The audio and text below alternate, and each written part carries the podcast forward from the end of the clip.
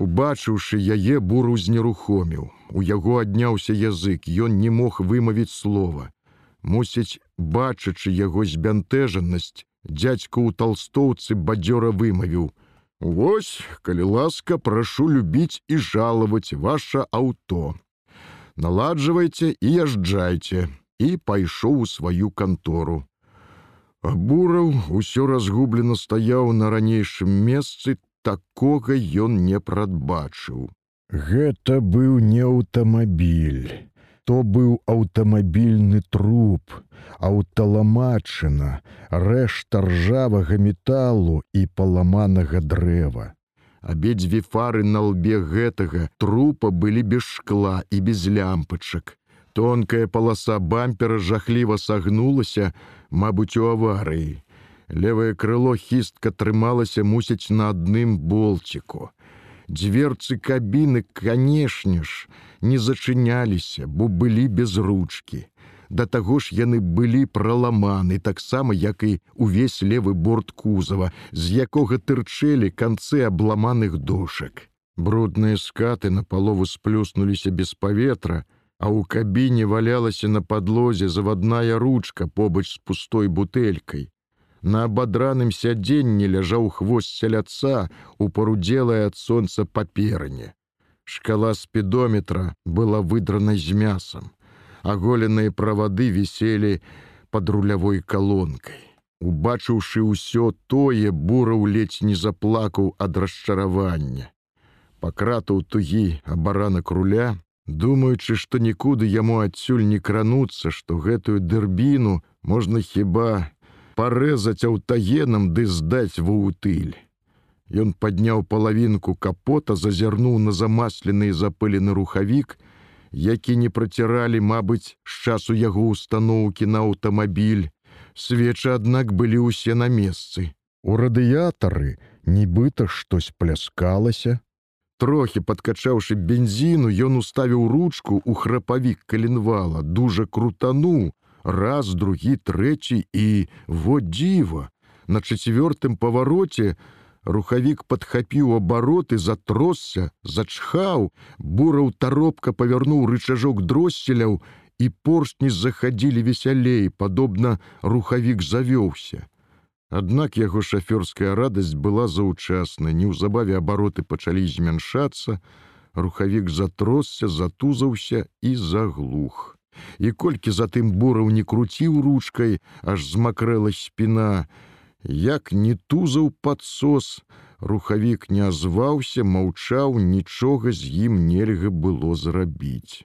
Увесь той дзень да вечара ён корпаўся ля машыны, падкачаў колы, прабраў кабінку, над вячоркам пайшоў у кантору прасіць якую машыну, каб адбуксіраваць палутарку ў раён. У канторы не было нейкага начальніка, ды і канчаўся рабочы дзень.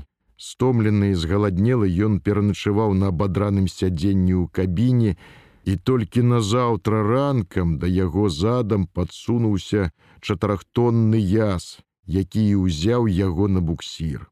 Пакуль яны выехалі з горада і затым паўзлі па шашы, Буру змакрэў ад поту за рулём свае дэрбіны, ад стомы і хвалявання. Добра, што буксір быў даўгі. Яму неяк удалося не стукнуцца ў задні борт таго яса.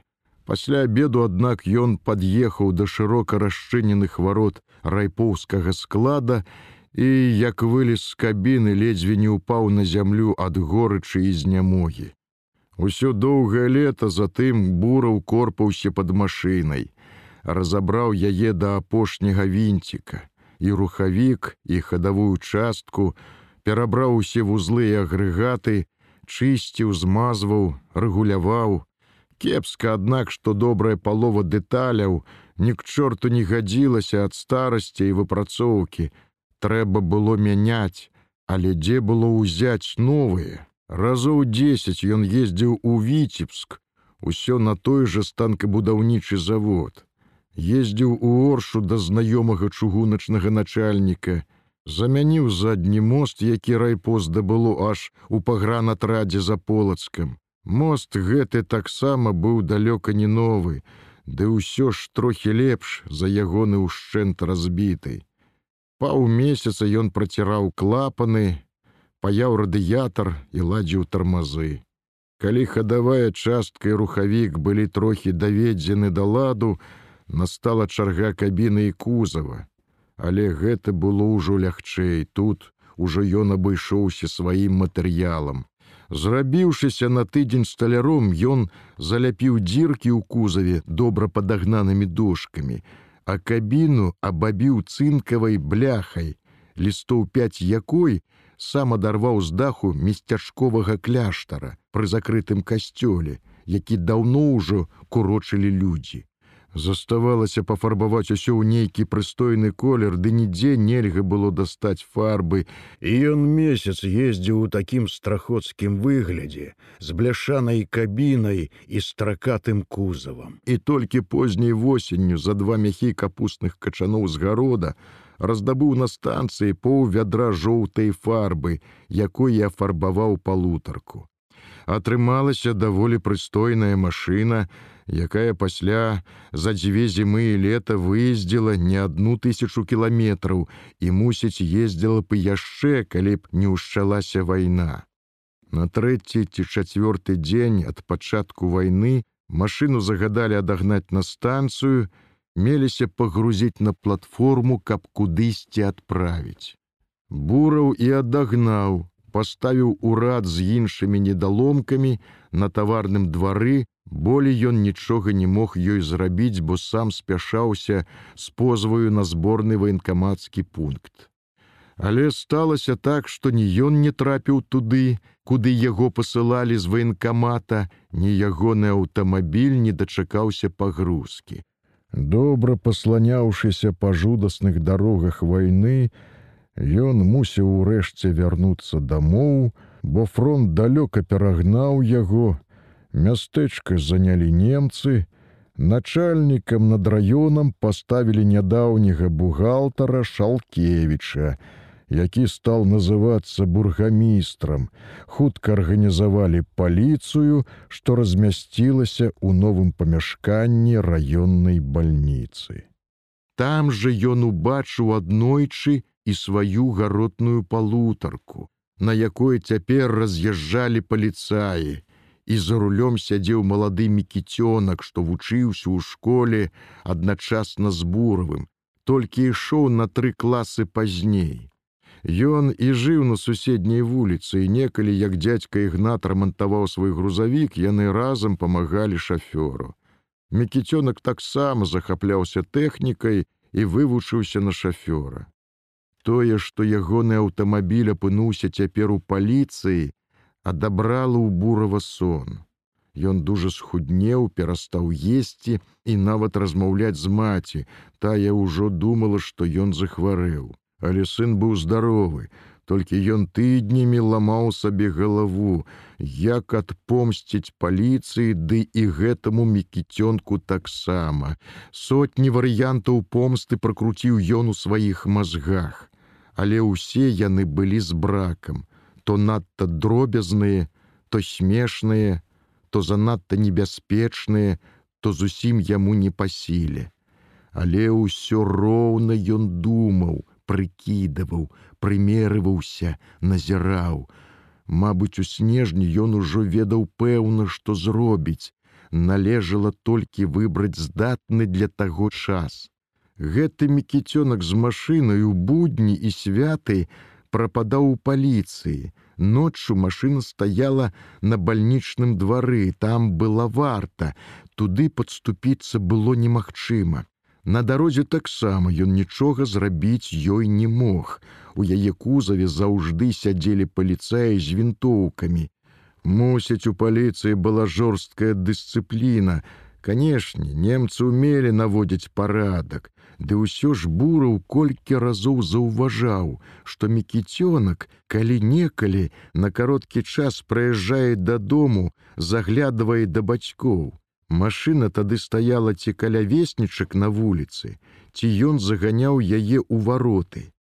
За варотамі, вядома, яе не дастаць. Там бразгаў ланцугом звязглівы сабака, А вось ля веснічак, Але гэта трэба, каб было цёмна, каб яго ніхто не ўбачыў ні праз акно, ні з вуліцы, і ўвесь канец восені ён сачыў у ранку, як паліцаі выязджаюць куды на раён, а ўвечары, калі вяртаюцца.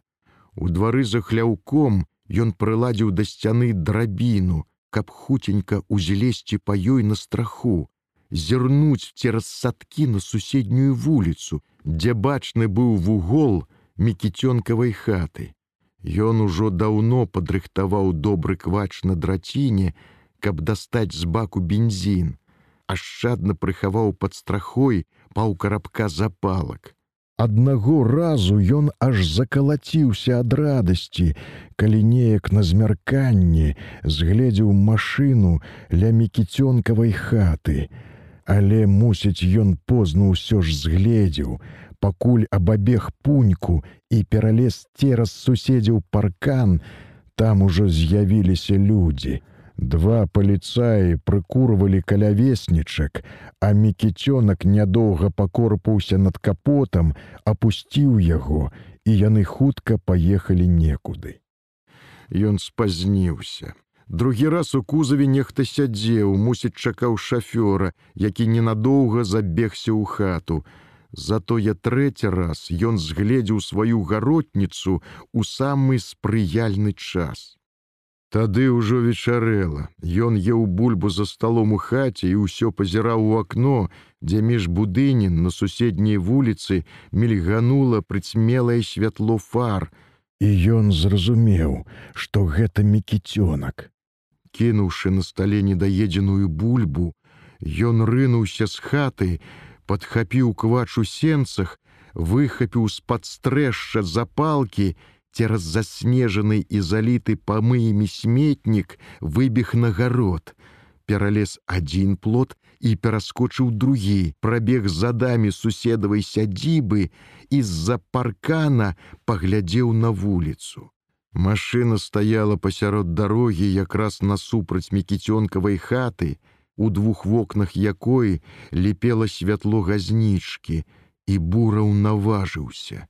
Ён не так зразумеў, як адчуў інстынктам, што болей зручнага выпадку не будзе. Гэты самы зручнейшы. Бензінавы бак якраз быў з гэтага боку, таму праз акно з хаты яго ніхто згледзець не мог. Заснежаная вуліца уся патанала ў паўзмроку, хоць чалавек на ёй быў бачны здалёк, але ніхто нідзе не ішоў і не ехаў. Бураў з усяе сілы крутануў з гарлавіны тугаватую накрыўку бака, ведаў, яна заўжды адкручвалася туга і сунуў туды свой абкручаны пакулем квач. Шкада бензіну было няпоўна, мусіць з палавіну бака. Ён адчуў гэта боўтнушы квачом і выцягшы яго да паловы церануў запалку пэўна ён усё ж хваляваўся. Першая запалка згасла згасла і другая. Тады ён узяў з карабка іх некалькі разам і запаліў. Калі запалкі добра ўспыхнули ткнуў імі ў квач, што ярка пыхнуў у самы нізку заважарам удару ў твар, апаліўшы бровы, але буру ўсё кінуў з рук і рынуўся цераз плот. Не азіраючыся на падворку адчуў, як ззаду агняна узвіхрылася, засквюрчэла, ярка асвяціла наваколле. Ён убачыў перад сабой на снезе свой даўгалыгі цень для хляўка і забег за вугал далей не азіраючыся, прыбег на ўласны падворак і стаў ля дрывотні. За садкамі і стрэхамі будынкаў палаў дымны пажар і чуліся крыкі. То былі музыка і відовішча, весялейшых за якія ён не памятаў у жыцці. Машына згарэла датла, рамантаваць там ужо не было чаго, паліцаі яе нават не звалаклі з вуліцы, і яе абгарэлы шкілет стаяў там да сярэдзіны лета, пасля недзе прапаў. Але таго бураў ужо не бачыў. Тая ж ночы, калі па яго прыйшлі паліцаі, Ён прадбачліва сядзеў у пуньцы і гародамі падаўся з мястэчка ў пушшу. Там пачаўся для яго новы жыццёвы этап, які як бы не скончыўся разам з жыццём у гэтым прыстанцыйным лесе.